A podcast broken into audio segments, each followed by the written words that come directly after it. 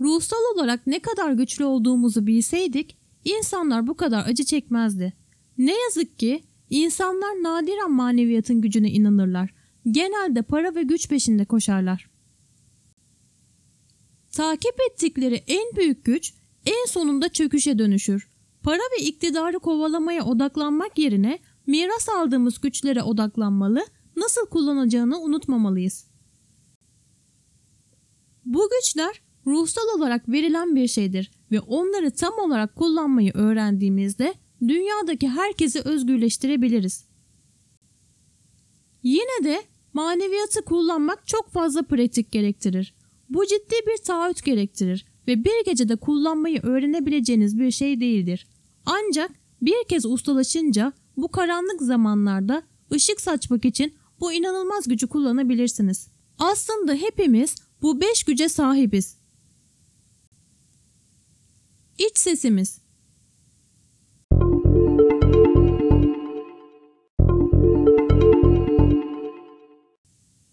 Hepimizin örümcek hissi olarak işlev gören bir iç sese sahip olduğumuzun farkında mısınız?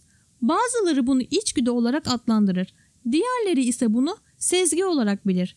Bu iç sesi daha sık dinleyin ve sizi zafere yönlendirmesini izleyin. Nefesimizi kontrol etme yeteneği Nefesimizi kontrol etme yeteneği, zihnimizi ve ruhumuzu rahatlatmak için öğrenilebilen bir verimdir. Sakinleştiğinizde yolunuzda herhangi bir şeyle yüzleşmenize yardımcı olacak daha yüksek bir frekansta titreşirsiniz. Başkalarıyla bağlantı kurma yeteneği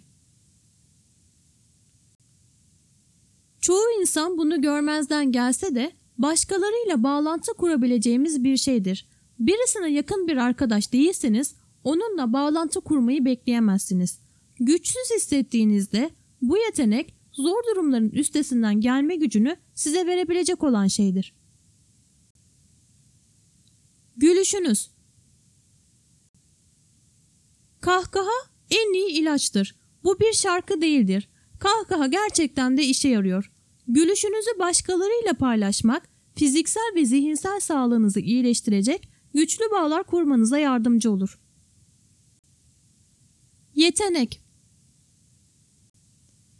İnsanlar yeteneklidir. Çünkü Tanrı bize bu gücü verdi. İyi olduğunuzdan emin değilseniz deneyimleyin ve keşfedin ve ne yaparsanız yapın iyi hissedin. Yeteneğinizi o anda kalmak ve mükemmel güç elde etmek için kullanın.